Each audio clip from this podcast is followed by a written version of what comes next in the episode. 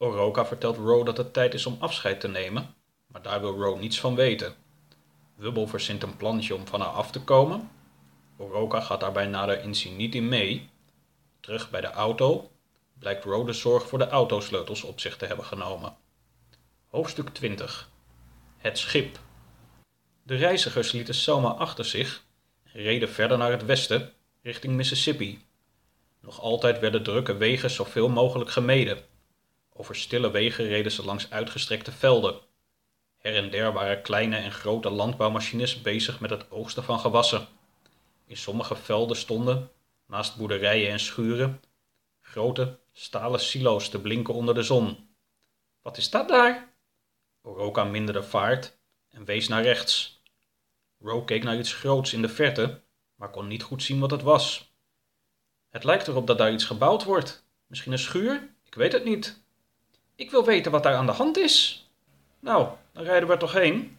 Ro haalde nog een broodje uit haar rugzak tevoorschijn en gaf de helft aan Oroka. Ze veegde wat broodkruimels van Wubbels rug.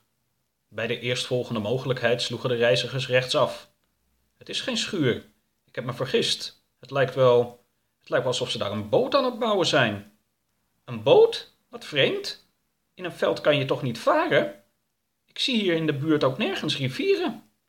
Nee, maar ze zijn daar toch een boot aan het bouwen en geen kleintje zo te zien. Oroka draaide het werkterrein op. De reizigers stapten uit. Werklieden op en rond de boot waren druk in de weer met het sjouwen en hijsen van planken, balken en allerlei pakketten. Aan boord werd druk getimmerd en geboord. Wat zijn jullie aan het doen? vroeg Oroka aan twee mannen die met een stapel planken voorbij liepen. We zijn hier een boot aan het bouwen, antwoordde een van hen zonder het werk te onderbreken.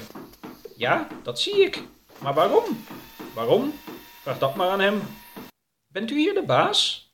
De zoon van de baas, antwoordde een man in een wit geruite overhemd, waarvan de mouwen hoog waren opgestroopt. Maar als je vragen hebt, kan je ze aan mij stellen. Ik vraag mij af waarom jullie hier een boot aan het bouwen zijn. Ik zie hier in de omgeving nergens rivieren of meren.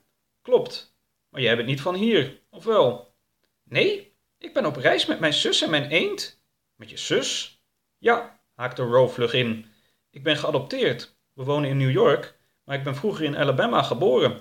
We zijn op reis door mijn geboortestaat. Heel bijzonder. Oroka, voor wie deze uitleg ook nieuw was, knikte instemmend. Het gezicht van de man, die George heette, klaarde op. Dat is zeker bijzonder. Welkom terug.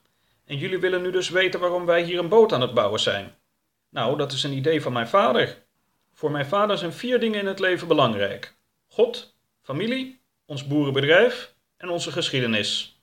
Deze boot hoort bij een van die vier. Bij welke denk je? Ik denk bij God. Ik heb een tijd geleden een stukje uit de Bijbel gelezen. Daarin was een man ook een boot aan het bouwen. Ik denk dat jullie nu ook zoiets aan het doen zijn. Nee, deze boot heeft weinig met God te maken. En ook niet met ons boerenbedrijf of met onze familie. Deze boot heeft te maken met onze geschiedenis. En trouwens, ook met jouw geschiedenis, jonge dame.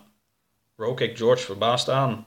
Wij zijn hier op ware grootte een van de schepen aan het nabouwen, waarmee onze voorouders zo'n twee, drie eeuwen geleden gedwongen vanuit Afrika naar Amerika zijn gekomen om hier, in de zuidelijke staten van Amerika, als slaven op plantages te werken.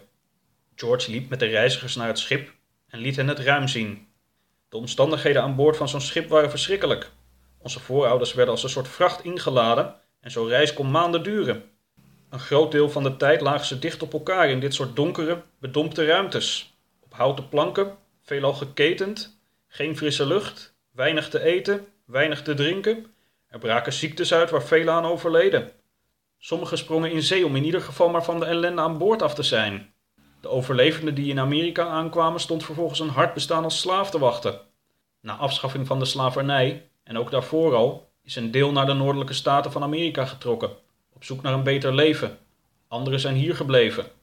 Mijn familie heeft een hoop moeten overwinnen om te staan waar we nu staan.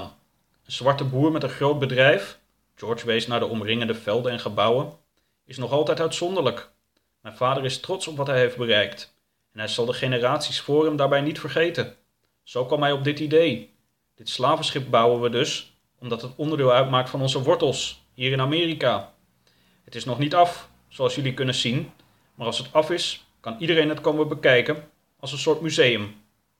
Wat een verhaal, zei Oroka. terwijl Row op het dek van het schip klom en Wubble zich te goed deed aan een vers plukje gras. Doe straks de groeten aan je vader, George. Dat zal ik doen. Had jij wel eens van slaven gehoord, Row? Jawel, maar ik wist er verder ook niet zoveel van. Een leven als slaaf moet wel vreselijk geweest zijn, denk je niet? Ja, vast wel. Laat op de avond naderden de reizigers de grens tussen Alabama en Mississippi. Hotels waren er niet in de buurt. Een parkeerterrein omringd door een paar bomen werd uitgekozen als overnachtingsplaats. Oroka en Wubbel bleven voor in de auto's zitten. Ro ging in de laadbak onder een deken liggen. Tussen de takken van de bomen door keek ze naar de sterren. Oh, oh.